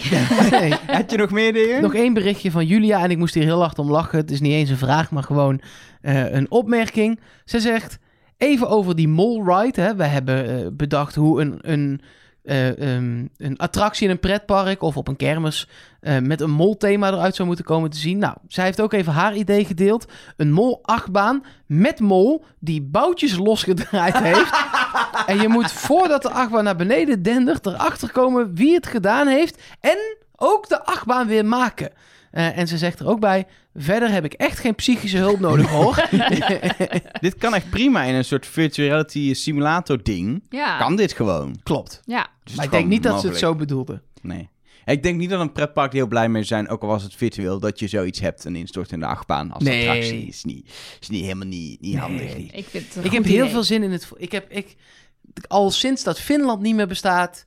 eh, Paul McCartney die, eh, die leeft helaas niet meer. Eh, Lady Gaga. En ik ben echt elke week weer gewoon benieuwd waar je mee op de proppen komt. Met je aluhoedje. Ja. Ik zit er klaar voor deze vergadering van de Bilderberg groep hoor.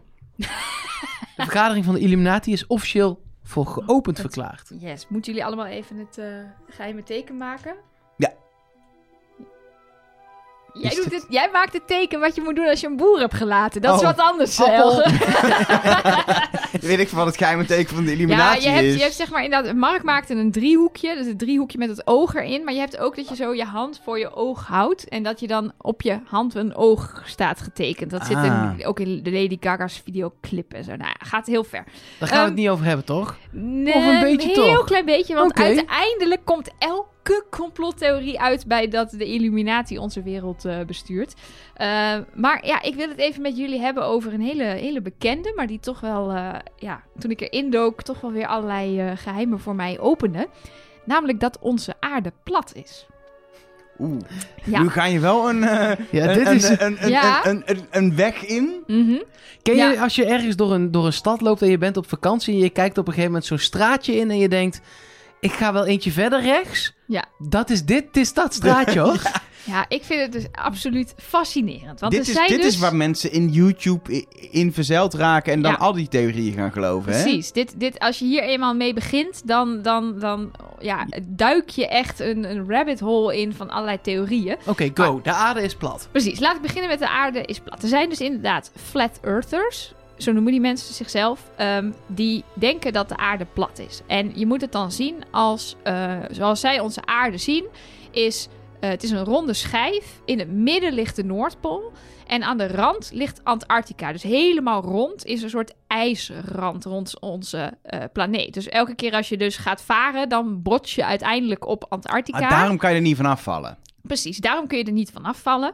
Ehm, en als je dat wil proberen, eh, dat lukt je dus ook niet. Want Antarctica wordt bewaakt door allerlei militairen. Wat daadwerkelijk zo is, er is een Antarctic eh, Treaty, heet het volgens mij. In ieder geval afspraken die 150 landen of zo hebben gemaakt over Antarctica. Want Antarctica is niet bewoond, dus ook, wordt ook niet bestuurd door een Is, overheid. het is van niemand. Het is van niemand, dus is het van ons allemaal. En is er dus een treaty, een, een verdrag, een overeenkomst van hoe gaan we daarmee om? Wie mag daar naartoe? Nou, en als je dus bijvoorbeeld een, als je daar naartoe wil, dan moet je dat regelen via organisaties. Je moet daar allerlei eh, documenten voor hebben. Als je daar onderzoek wil doen, dan moet je dat ook allemaal indienen. Ehm, en de flat earthers zeggen dus ja, dus als jij zegt de aarde is plat, bewijs maar, reis maar naar de rand, dan zeggen zij ja, dat lukt dus niet, want dan word je tegengehouden door militairen, want je kan niet zomaar naar Antarctica. Ehm, blijkbaar staat dus om die hele rand zijn er overal dus militairen die jou tegenhouden als je dat, eh, als je dat probeert. En die hebben het koud, kan ik je vertellen. Ik moet dan de hele tijd denken aan die wall uit eh, Game of Thrones, waar dus ook die, die Jon Snow en zijn consorten de hele tijd staan te vernikkelen in de kou en dan de, de, de wereld beschermen. Jullie Geen kijken idee. mij echt glazig Nee, aan. Niemand? niet gezien. Nee. goed. Eh, het grappige is, zeg maar, de Flat Earthers. ehm, wat mensen meestal aan moeten denken is de Flat Earth Society. Dat is een, een organisatie die bestaat al sinds 1956, maar die is in... Daarvoor was de aarde nog rond namelijk. Voor 1956. Ja, ja, ja. En toen is hij plat Toen is geworden. die plat geworden en de plat geslagen door eh, weet ik veel wie. Nee, maar die zijn... eh, Thor Ragnarok. ja, met die hamer. ja. Klojo. Uiteindelijk komt al, alles in de Marvel Universe uit. Dat ook Bij die mij hele, wel, ja. Die hele Illuminati is natuurlijk ook gewoon een soort, eh, een soort eh, hoe heet dat, eh, Hydra-achtige constructie en zo. Zeker. Het zit allemaal eh, links in. Anyway, nou, ik ga verder voordat wij weer eh, helemaal afdwalen. Ja, mag Ja. ik weer eh, op? Die, die society die eh, is in eh, 2004 weer opnieuw opgestart. Dus die heeft in kijk in 1956 waren we nog niet naar de maan geweest. We zijn tegenwoordig nog steeds niet naar de maan geweest, volgens deze mensen. Oh, dit, dit hangt direct Dit samen hangt met... direct eh, samen, daar ga ik het zo meteen verder over hebben, over dat de maanlanding nep is, want dat hangt hiermee samen. Maar ehm, in 1956 eh, eh, we hadden best wel veel aanhangers die dachten, ja, dat zou best wel kunnen kloppen. Toen kwamen er allerlei ruimte, eh, hoe heet, noem je dat, ruimteprojecten, ehm, waardoor ja, steeds minder mensen gingen denken dat het daadwerkelijk waar is.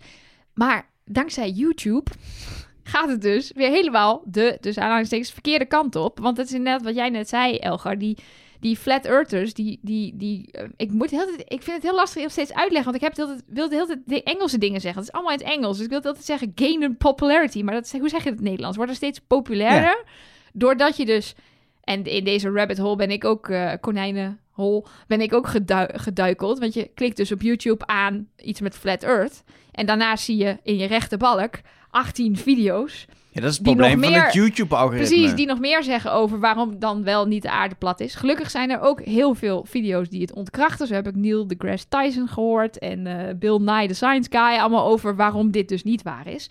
Want wat is namelijk het grootste argument dat ze hebben, is ehm, als jij ergens staat op de aarde en de aarde is een bol, een, een sphere, een eh, bolvormig, eh, of rond zoals wij dat dan gewoon zeggen, dan kan je als iets heel ver weg is, kan je dat niet zien. Want dat gaat zo van de, eh, ja, dat buigt om. Dus dat is buiten je Ja. blikveld. Daarom hebben we toch ook een horizon.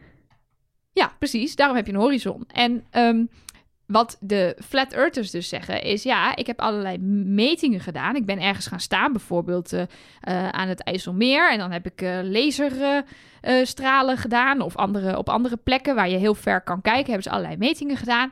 En dan komen ze er dus achter dat dat niet klopt. Dat ze dus dingen kunnen zien aan het einde van de horizon... die ze volgens hun berekeningen en hun, hun formule niet zouden moeten kunnen zien. Alleen die formule klopt van geen kant. er zijn, ze vullen dat in in online calculators op de websites van flat earthers. Die rekenen met modellen waarvan de, de, ge- de, de geaccepteerde wetenschap zegt... ja, die klopt geen zak van. Dit is helemaal niet hoe je berekent dat iets bol is. Die jullie gebruiken bijvoorbeeld... een van de voorbeelden die ze vaak gebruiken is... is de, de hyperbol, weet je wel? Die, die klokvormige grafiek die je dan hebt als je... Ja, de kerstklok grafiek. Ja, precies. Ja, ja, ja. Die, die gaat natuurlijk super hard omhoog en dan weer super hard naar beneden. Die eh, formule gebruiken ze om te berekenen hoe, hoe de aardebol zou lopen. Maar de aarde is niet een of andere hyperbol. De aarde is ook niet helemaal rond. Die is een beetje door de, door de draaiing is hij ietsje eh, ovaal geworden, maar niet zo ovaal. Dus er klopt gewoon geen zak van. Maar ja, als jij natuurlijk andere formules gelooft, dus je kan het niet zo goed met die mensen ook ehm, met wetenschap het ontkrachten. Want het is alsof je eh, bijvoorbeeld wetenschappers zeggen: ja, er is zwaartekracht. En de enige manier om dat te verklaren is dat je naar de kern van de aarde wordt getrokken. Hoe verklaar je zwaartekracht als je plat bent? Ja, en dan hebben die mensen hebben allerlei modellen waarmee ze dat verklaren, waarvan wetenschappers zeggen: ja, dit, is, dit slaat echt nergens op. Maar het is toch ook gewoon, je had het al over de maanlanding. Er zijn meer zoveel satellieten die camera's aan boord hebben. En mensen in de aarde geweest. Er zijn mensen die in, de, in, in het International Space Station wonen. Voor, voor een jaar of twee jaar. Die gewoon zien, het is een bol. Is dat dan, is er een rare spiegel die er een bol van maakt? Of hoe moet ik dat voor nee, me nee, zien? nee, nee, dat is allemaal nep. Dus dat is net als de maanlanding. André Kijk, Kuipers bestaat niet, is de conclusie. die bestaat wel, die zit in het complot. Ah, natuurlijk, ja. Kijk, de maanlanding in 1969 is volgens, en dit, dit was echt schokkend voor mij, volgens 5% van de Amerikanen was de maanlanding in 1969 fake. Dat is 10, zijn 10 miljoen mensen, hè? 10 miljoen mensen in Amerika die denken dat die Apollo-missie niet heeft plaatsgevonden.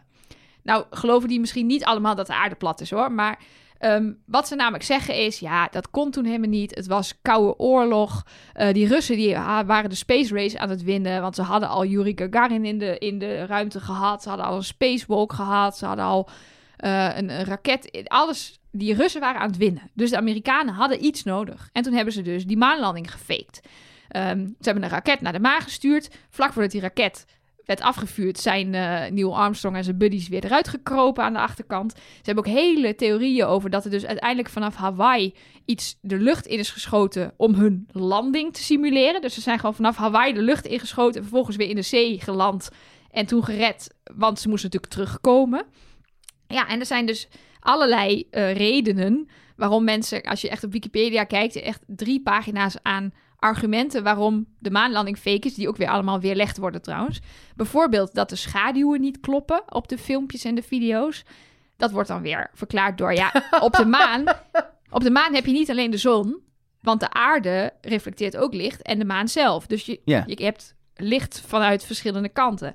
Er is een vlag die lijkt te wapperen, wat niet kan, want er is geen eh, atmosfeer op de maan. Maar die vlag wappert helemaal niet. Die vlag is gewoon verkreukeld. Die zat natuurlijk gewoon verkreukeld in een pakje in die raket waar niet zoveel ruimte was. En die hebben ze verkreukeld opgehangen. Hij lijkt te wapperen. Dus jij gelooft dat niet. het wel echt was? Ik denk dat het wel echt was, ja. Jij, jij bent wel heel op één lach na heel stil. Nee, ja, dit gaat mij echt ver boven de pet. Als in, eh, ja, daar, kom. Kijk wat, wat ik niet, kijk, wat heel lastig is aan deze discussie.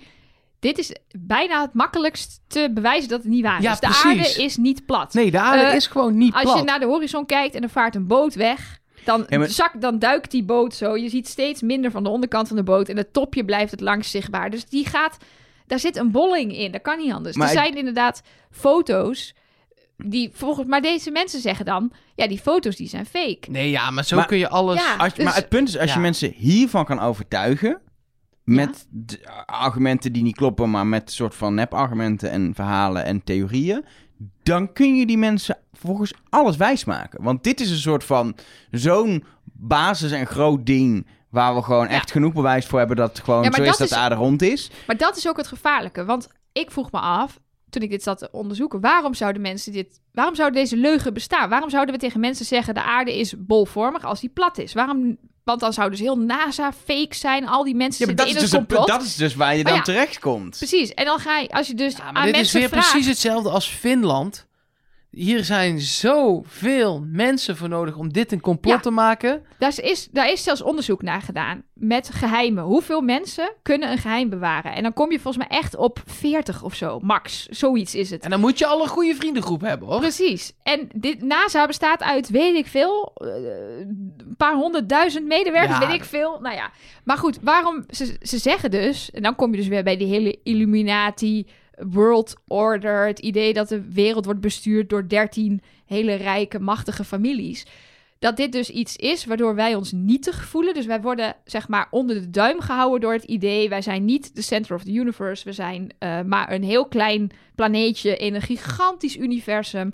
Eh, eh, wij draaien om de zon, niks draait om ons. En zo kunnen ze ons onder de duim houden. En er zit vaak ook nog wel een religieus aspect aan. Dat wij dus, dat dus de, als de aarde plat is, dan is de Big Bang dus ook niet waar. Dus dan zijn we echt geschapen door een, een iemand, iets, een kracht, een entiteit, een god. Een, eh, en, maar wat, wat ik nog het beste argument vind, is alles, alles wat je hier ziet in, in, in de ruimte om ons heen, is bolvormig. Elke planeet, Ja, elke ik.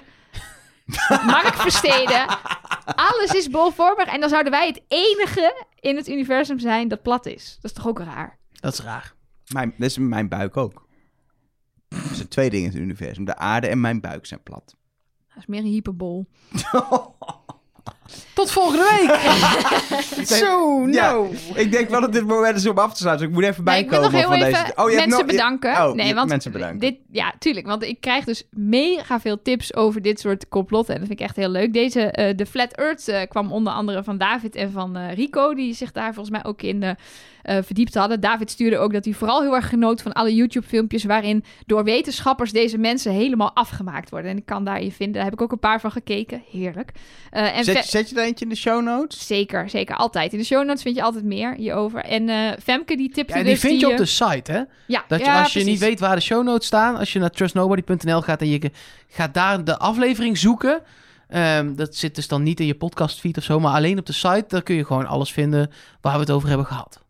Ik zal daar zelfs de foto van Elger die een piñata-stuk slaat neerzetten. Bij deze. Oh, nou, dat vind niet, ik leuk. niet per se. Ja, te laat, het is beloofd. Is beloofd, is beloofd. Ja, en de Femke die tipte mij de, de maanlanding, eh, dat die fake is. Dus als je nog andere complottheorieën hebt waar je ofwel in gelooft of gewoon van geniet, stuur ze vooral naar ons op eh, via al die platformen waar je ons kan vinden. Want ik vind het heerlijk. Jij moet wel snel zijn, want we hebben nog drie complottheorieën die we kunnen doen. Want we hebben nog drie afleveringen te gaan dit seizoen. En dan zit het er alweer op. Gaan we aflevering 10 ook doen, ja? Ja, ja, ja. Daar kunnen we de molacties nabespreken en zo. Ja, maar dat hebben we tussendoor ook al wel een beetje gedaan. Ja, maar toch, ik denk, het is toch graag. oké. We doen elke aflevering. Oké, oké. Of jij wil gewoon een extra week vakantie, dat mag. Nee, nee, eh, helemaal niet niet. erg. Maar we hebben het zo'n beetje al wel besproken. Maar ja, maar ja, we moeten toch even... De... Ja, kunnen ben ik kunnen we gewoon mee. weer even, even kijken hoe mooi het kasteel van Lisse was en zo. Dat is wel echt waar. kunnen- daar kan ik al een uur over praten, over Zeker. het kasteel. Zullen we... Kunnen we aflevering 10 niet opnemen in het kasteel? Ik opper dit nu live, dat heb ik niet besproken. Maar is dat Nee, niet te dit heb je regelen? niet besproken, nee. Dat we in het kasteel in Lisse gaan zitten. Het moet kunnen, toch? We gaan dit... Iedereen kijkt naar mij. Ja, Ja, maar als ik denk aan kastelen, dan denk ik aan Nelleke. jonkvrouw. Ja, laten we dat gaan uitzoeken of dat kan. Geen idee of je dat gewoon kan huren. Ja. Lijkt me, dat is toch lachen? Ja, we kunnen altijd kijken. We beloven niks. Je Nee. kunt er trouwen, zie ik. Ik ben het even aan het googlen. Elger! Dus dan kun je, maar dan kun je er ook podcasten. Ja, precies. Laten we in ieder geval eh, deze aflevering van Trust Nobody afsluiten. Eh, niet voordat ik jou heb bedankt voor het luisteren. Nou, geen dank. doe ik, nee, ik doe ik graag. Ja. ik ben er toch vaak, weet je. Dus ja, dan... eh, Volgende week eh, zijn we er weer. Eh, dan bespreken we aflevering 8 en gaan we lekker een cruiseboot op. Trust.